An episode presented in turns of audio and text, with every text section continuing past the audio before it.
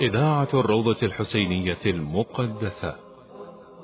تقدم شذرات شذرات من علوم القرآن. من علوم القرآن.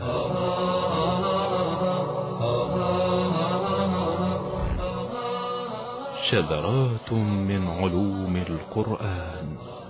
إعداد وتقديم السيد مرتضى جمال الدين. شذرات من علوم القرآن. مونتاج نورس الكربلائي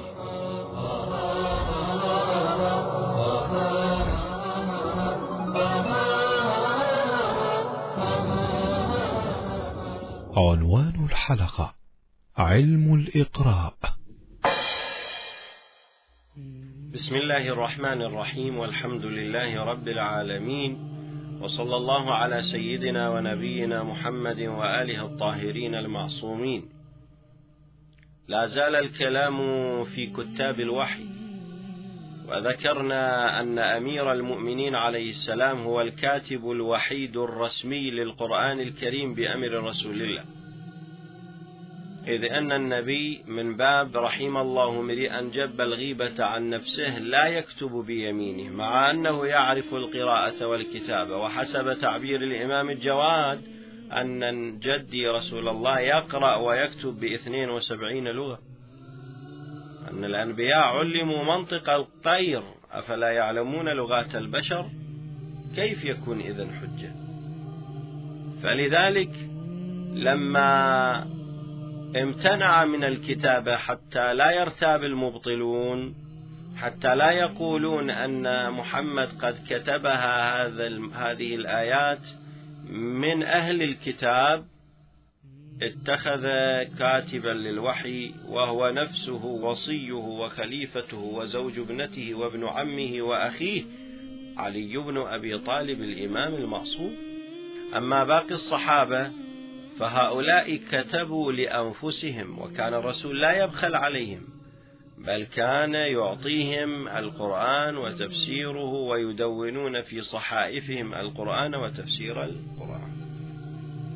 فعرفنا من كتاب الوحي أبي بن كعب رضوان الله عليه هؤلاء هذا أحد العشرة الذين اعترضوا على خلافة أبي بكر كما يقول الشيخ الصدوق في أماليه. وعبد الله بن مسعود كان مواليا لعلي عليه السلام وإن انحرف قليلا أو ابتعد لكنه ظل موافقا لعلي. وكثير من آياته القرآنية مفسرة في علي كما موجود ومثبت في مصحفه. في هذه الآية التي يقول في قضية الأحزاب وكفى الله المؤمنين القتال كاتب ابن مسعود في مصحفه بعلي. هاي تفسير أن القتال في يوم الأحزاب بمن كف كف بكف علي عليه السلام. فيوم قال النبي فيه خرج الإيمان كله إلى الشرك كله. ومن كتاب الوحي عبد الله بن مسعود نعم ولكنه كان قارئا لأهل الكوفة. وبعد ذلك استدعي للمدينة تحت الإقامة الجبرية في يوم جمع عثمان للقرآن حيث جمعه من جميع الصحابة إلا أن عبد الله بن مسعود أبى فوطأوه في مسجد رسول الله وكسروا ضلعا من أضلاعه ومات على أثر هذه الحادثة. أما أبي بن كعب ذلك الرجل الصحابي الجليل كان قارئا للقرآن وروايات في كتب السنة والشيعة تمدحه أما في السنة روايات السنية تصف أبي بن كعب أنه سيد القراء. وأما في رواياتنا فوردت رواية في أصول الكاف الشريف عن الإمام الصادق عليه السلام تبين أن الإمام الصادق يقول إن كان عبد الله بن مسعود لا يقرأ على قراءتنا فهو ضال قال ربيعة الري ضال قلت بلى ضال أما نحن فنقرأ على قراءة أبي بن كعب. فهنا الإمام الصادق عليه السلام يبين معلق القضية على شرط إذا عبد الله بن مسعود ما يقرأ على قراءتنا فهو ضال فإذا قرأ على قراءتنا فهو غير ضال. فإذا عبد الله وأبي بن كعب هؤلاء كانوا يقرؤون قراءة أهل البيت وقراءة أهل البيت قراءة رسول الله صلى الله عليه وآله وسلم.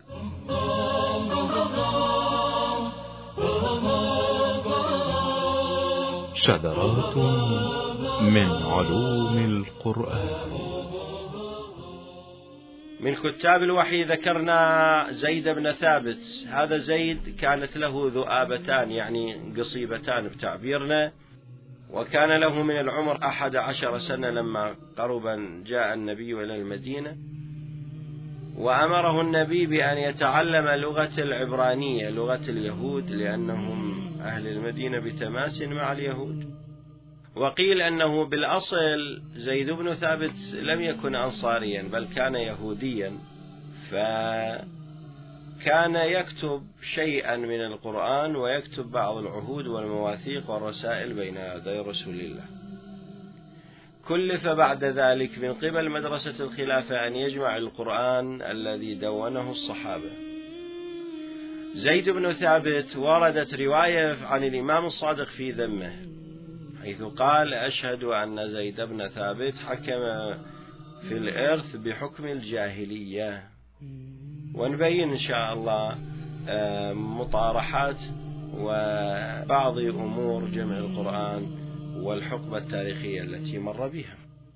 هناك شبهة تقول أن من كتاب الوحي معاوية ابن أبي سفيان عليه لعائن الله هو وأبيه. معاوية بن أبي سفيان دخل إلى الإسلام قبل ستة أشهر من وفاة النبي صلى الله عليه وآله. شلون دخل؟ دخل آه، ترغيبا وترهيبا. دخل وأعطاه النبي صلى الله عليه وآله من سهم المؤلفة قلوبهم. من سهم المؤلفة قلوبهم كان يعطيه العطاء الزكواتي. معاوية قيل أنه كاتبا للوحي. لا لم يثبت أن معاوية كان كاتبا للوحي. ربما كان يكتب لنفسه هذا بحث آخر. الشيء الآخر معاوية يقولون كان مشتهر بالحساب يعني يقرأ ويكتب ويعرف الحساب. فوضعه النبي لعله في قضية الدواوين. وضعه في آه، كتابة الدواوين وكتابة الحقوق الشرعية وكتابة نصب الزكاة وغيرها من العطاءات وكان يعطى من سهم المؤلفة قلوبهم. وكان النبي صلى الله عليه وآله كلما دخل على معاوية وجده يأكل ويأكل ويأكل. فقال النبي صلى الله عليه وآله لا أشبع الله لك بطنا. فكان يؤتى بالطعام فلا يشبع حتى يمل لسانه وفكيه من من المضغ والتقطيع. معاوية دخل عليه النبي وهو يكتب بعض الرسائل فوخزه في خاصرته أمام بعض الصحابة الخلص فقال ماذا قال؟ قال إن جاءكم أو إن رأيتم معاوية على منبري فاقتلوه.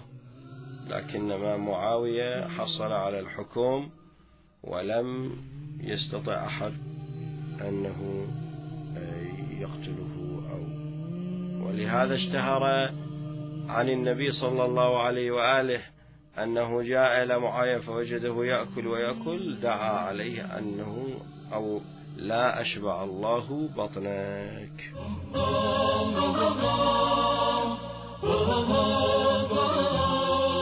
شذرات من علوم القرآن.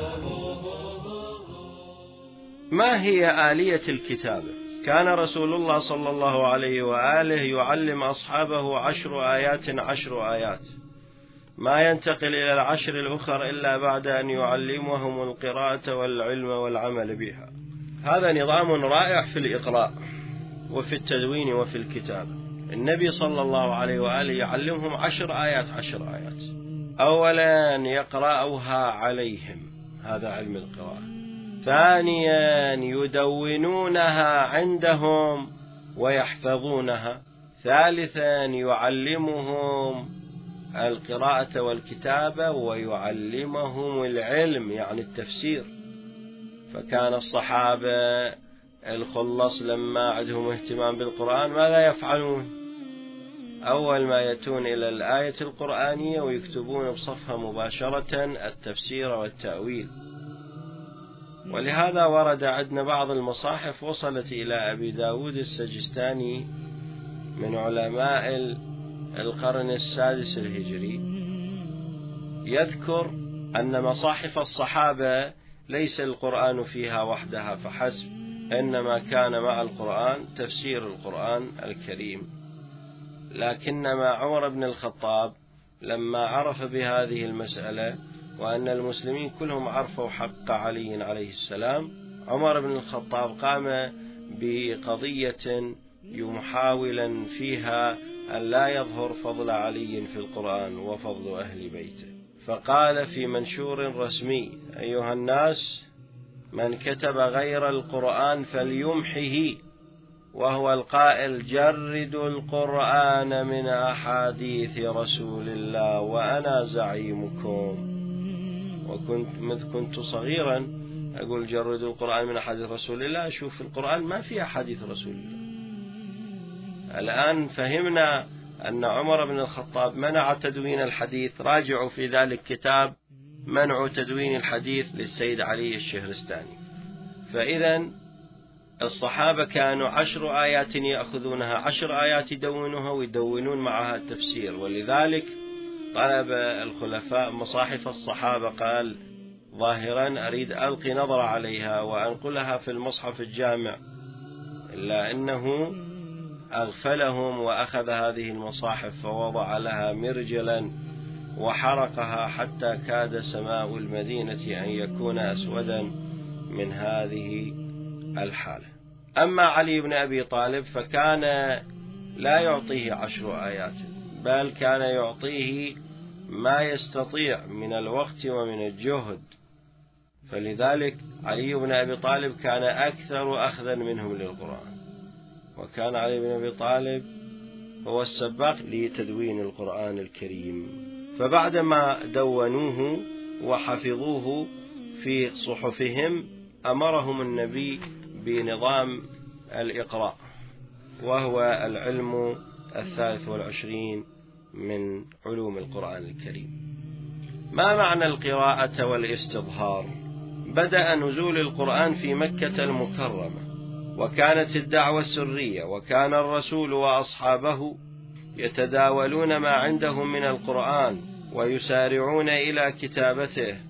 وبعد أن كانت الدعوة علانية بعد ثلاث سنوات أخذ الرسول صلى الله عليه وآله وأصحابه القلة يقرؤون القرآن وكانت أهم الأساليب هو أسلوب إسماع القرآن للآخرين في الحرم المكي. ولقد أثر القرآن أثره حتى بدأوا يحاربون سماع القرآن. وبعدة أسباب منها منع الناس من مجالسة أصحاب الرسول ورمي الأوساخ والحجارة عليه والتصفيق والتصفير واللغو فيه. وقد أخبر الله تعالى عن ذلك. وقال وقال الذين كفروا لا تسمعوا لهذا القرآن والغوا فيه. ومنهم من تأثر بالقرآن وفاضت عيناه من الدموع وإذا سمعوا ما أنزل إلى إلى الرسول ترى أعينهم تفيض من الدمع مما عرفوا من الحق. كذلك الجن والإنس آه، استمعوا واسترقوا السمع للقرآن. قل أوحي إلي أنه استمع نفر من الجن.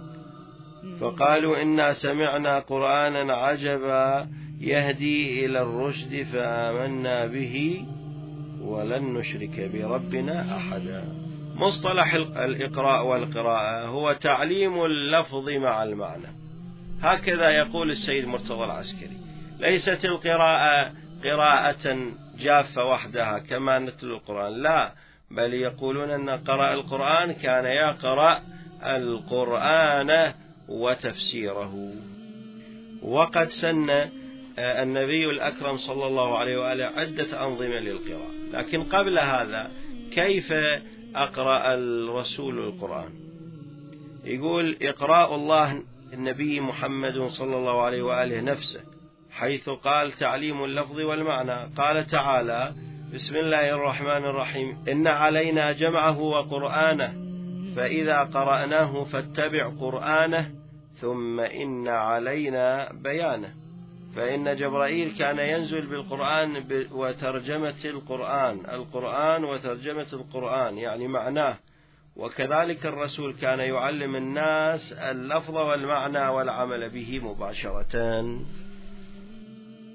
يعني أراد الرسول الأعظم صلى الله عليه وآله أن يحرك الأمة وأن يفعل القرآن في الأمة. اليوم القرآن مهجور وجامد مهما تلوناه لأن الغرض مو فقط للتلاوة العمل به.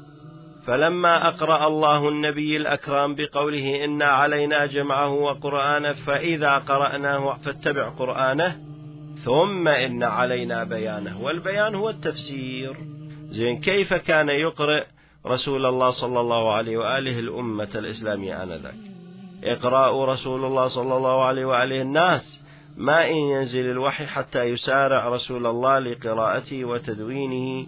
وتعليمه الناس أولا بأول وسن رسول الله صلى الله عليه وآله لنظام الإقراء عدة أنظمة يمكن الاستفادة منها.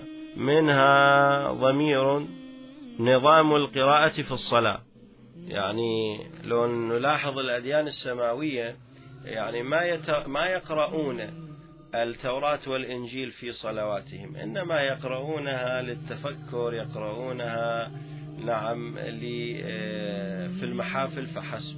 أما القرآن الكريم فمن عظمة الله وبركته أنه تكلم مع البشر من خلال الرسول وأمرهم بأن يقيموا الصلاة ومن ضمن أهم أركان الصلاة القراءة الصحيحة. فكان النبي صلى الله عليه وآله وسلم يأمر بقراءة القرآن في الصلاة. ولهذا لولا لولا الصلاة لما حاولنا أن نقرأ القرآن الكريم ونهتم به بهذا الاهتمام. قال تعالى يا أيها المزمل قوم الليل إلا قليلا نصفه أو انقص منه قليلا أو زد عليه ورتل القرآن ترتيلا. إذا النبي صلى الله عليه وآله أمر المسلمين أن يقرأوا القرآن في الصلاة. هذا النظام الأول. النظام الثاني الذي سنه في الإقراء ينقل السيد مرتضى العسكري في كتابه القرآن وروايات المدرستين. عدة روايات تؤكد على على النظام الذي سنه الرسول للإقراء. فكان يقرئ الناس عشر آيات عشر آيات. لا يتجاوزهن حتى يعملوا العلم والعمل فيها وهو نظام رائع وممكن تطبيقه في المحافل القرآنية. أتمنى من يسمعني أن يعيد نظام الإقراء في ذي العشر آيات كما كان يفعله رسول الله. قراءة وعلما يعني تفسيرا وعملا تطبيقا بها. نظام العشر آيات ذكرها من رواتنا الشيعة كذلك ذكرها أهل السنة. ينقل أحمد في مسنده ومعرفة القراء للذهبي والبحار للمجلسي واللفظ للذهبي. عن أبي عبد الرحمن قال كان الذين يقرؤوننا عثمان وابن مسعود وأبي بن كعب أن رسول الله صلى الله عليه وآله كان يقرئهم عشر آيات فلا يتجاوزونها إلى عشر أخر حتى يعلموا ما فيها من العلم والعمل فتعلمنا القرآن والعمل معه. وفي تفسير الطبري عن أبي عبد الرحمن السلمي قال كنا إذا تعلمنا عشر آيات من القرآن لم نتعلم العشر التي بعدها حتى نعرف الحلال من الحرام والأمر من النهي. وهذا ما يفسر قراءات ابن مسعود وأبي بن كعب. كانوا يقرؤون القرآن على يد رسول الله. يثبتون مع القرآن تفسيره وتأويله ومن يطالع تفاسير ابن عباس ومقاتل ابن سليمان وسعيد بن جبير وأصحابه يعرف كيف كان الصحابة يقرؤون القرآن.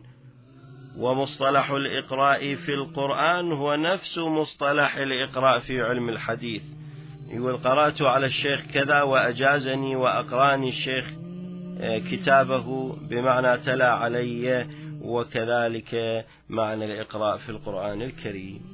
هناك نظام آخر من أنظمة القراءة القرآنية هو نظام الإقراء لأهل الصفة ولمن جاء مهاجرا وأسلم. وأهل الصفة هم جماعة من الفقراء المقطوعين لا مال ولا ولد ولا تلد ولا زوجة فهؤلاء كانوا يتسكعون بالقرب من بيت رسول الله صلى الله عليه وآله.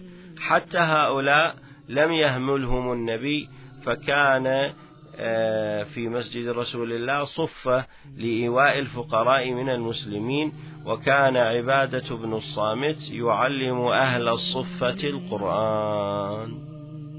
نظام الإقراء ممن لا مأوى لهم. فهذا حال فقراء المسلمين ممن لا مأوى له سواء المسجد أو من هاجر ودخل الإسلام. فيقول عبادة بن الصامت كان الرجل إذا هاجر دفعه النبي إلى رجل منا يعلمه القرآن. وهناك نظام الإقراء الجماعي. جاء وفد قبيلة عبد قيس إلى المدينة وأرادوا أن يدخلوا إلى الإسلام ويتعلموا القرآن فأوكل رسول الله صلى الله عليه وآله وسلم بكل رجل رجلا من أهل المدينة يعلمه القرآن والصلاة فمكثوا جمعة فاختبرهم فوجدهم كادوا أن يقرأوا ويتفقهوا ثم تبادلوا الأماكن فمكثوا جمعة أخرى فاختبرهم فوجدهم قد قرأوا وفقهوا. يعني في ظرف أسبوعين رسول الله خرج ناس يقرؤون القرآن الكريم. نظام الإقراء في مكة. لما كانت الدعوة السرية اتخذ النبي الأعظم من دار الأرقم بن أبي الأرقم مركزا سريا للإقراء من أوائل الدعوة الإسلامية. وقد أسلم في هذه الدار قوم كثير ودعيت دار الإسلام. وكان رسول الله يجمع الرجل والرجلين إذا أسلم عند رجل به قوة فيكونان معه ويصيبان من طعامه. وكان القوم يجلسون ويقرؤون القرآن في صحيفة معهم وتفرعت من هذه البيوتات بيوتات للقراءة. وأول من جهر بالقرآن رسول الله صلى الله عليه وآله في مكة وعلي عليه السلام. وكذلك عبد الله بن مسعود. فقال أصحاب النبي من يسمع قريشا القرآن؟ فقال ابن مسعود أنا. فقالوا له إنا نخشاهم عليك إنما نريد رجلا له عشيرة تمنعه من ذلك. فقام فقال دعوني فإن الله سيمنعني منهم. فغدأ عبد الله حتى أتى المقام في الضحى وقريش في أنديتها فقرأ بصوت عال سورة الرحمن. فقاموا فجعلوا يضربون في وجهه وهكذا كان يلقي أصحاب محمد من عدوهم. أكو نظام آخر نظام البعثات إلى القبائل. لا النبي لما إجوا له جماعة من وفد من المدينة في بيعة العقبة بعث إليهم مصعب بن عمير يعلمهم القرآن ويدور آه، في بيوت أهل المدينة يعلمهم القرآن من بيت إلى بيت. وبعث رسول الله معاذ بن جبل إلى اليمن يعلمهم القرآن أيضا.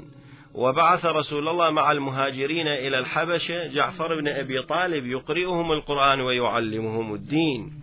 وأخيرا آه، اتخذ النبي صلى الله عليه وآله نظام المفاضلة في القرآن. فحسب القاعدة التي رفعها القرآن مقدم. فمن كان أكثر قراءة للقرآن كان أميرا على الجيش أو حاملا للراية. ويقدمهم في البعثات. حتى في القبر عند دفن الشهداء كان رسول الله صلى الله عليه وآله وسلم يقول انظروا أكثر هؤلاء جمعا للقرآن فاجعلوه أمام أصحابه في القبر وكذلك يوم القيامة فإن درجات الجنة على قدر آيات القرآن فمن كان أكثر قراءة كان أرفع درجة. وعلى هذه القاعدة قاعدة القرآن مقدم فإن علي بن أبي طالب هو المقدم في الغزوات في حمل الرايات في قراءة القرآن في الخلافة. وفقنا الله وإياكم لأن ننشر قراءة القرآن بالشكل الصحيح. وحسب نظام رسول الله نظام العشر آيات عشر آيات. نريد أيها الأحبة أن نقرأ القرآن لا فقط رواية وإنما نقرأه رواية ودراية. ونفهم معانيه. وفقنا الله وإياكم وجعلنا الله وإياكم من حملة القرآن ببركة محمد وآله الطيبين الطاهرين المعصومين. والسلام عليكم ورحمة الله وبركاته. قدمت لكم إذاعة الروضة الحسينية المقدسة. شذرات شذرات من علوم القرآن, من علوم القرآن.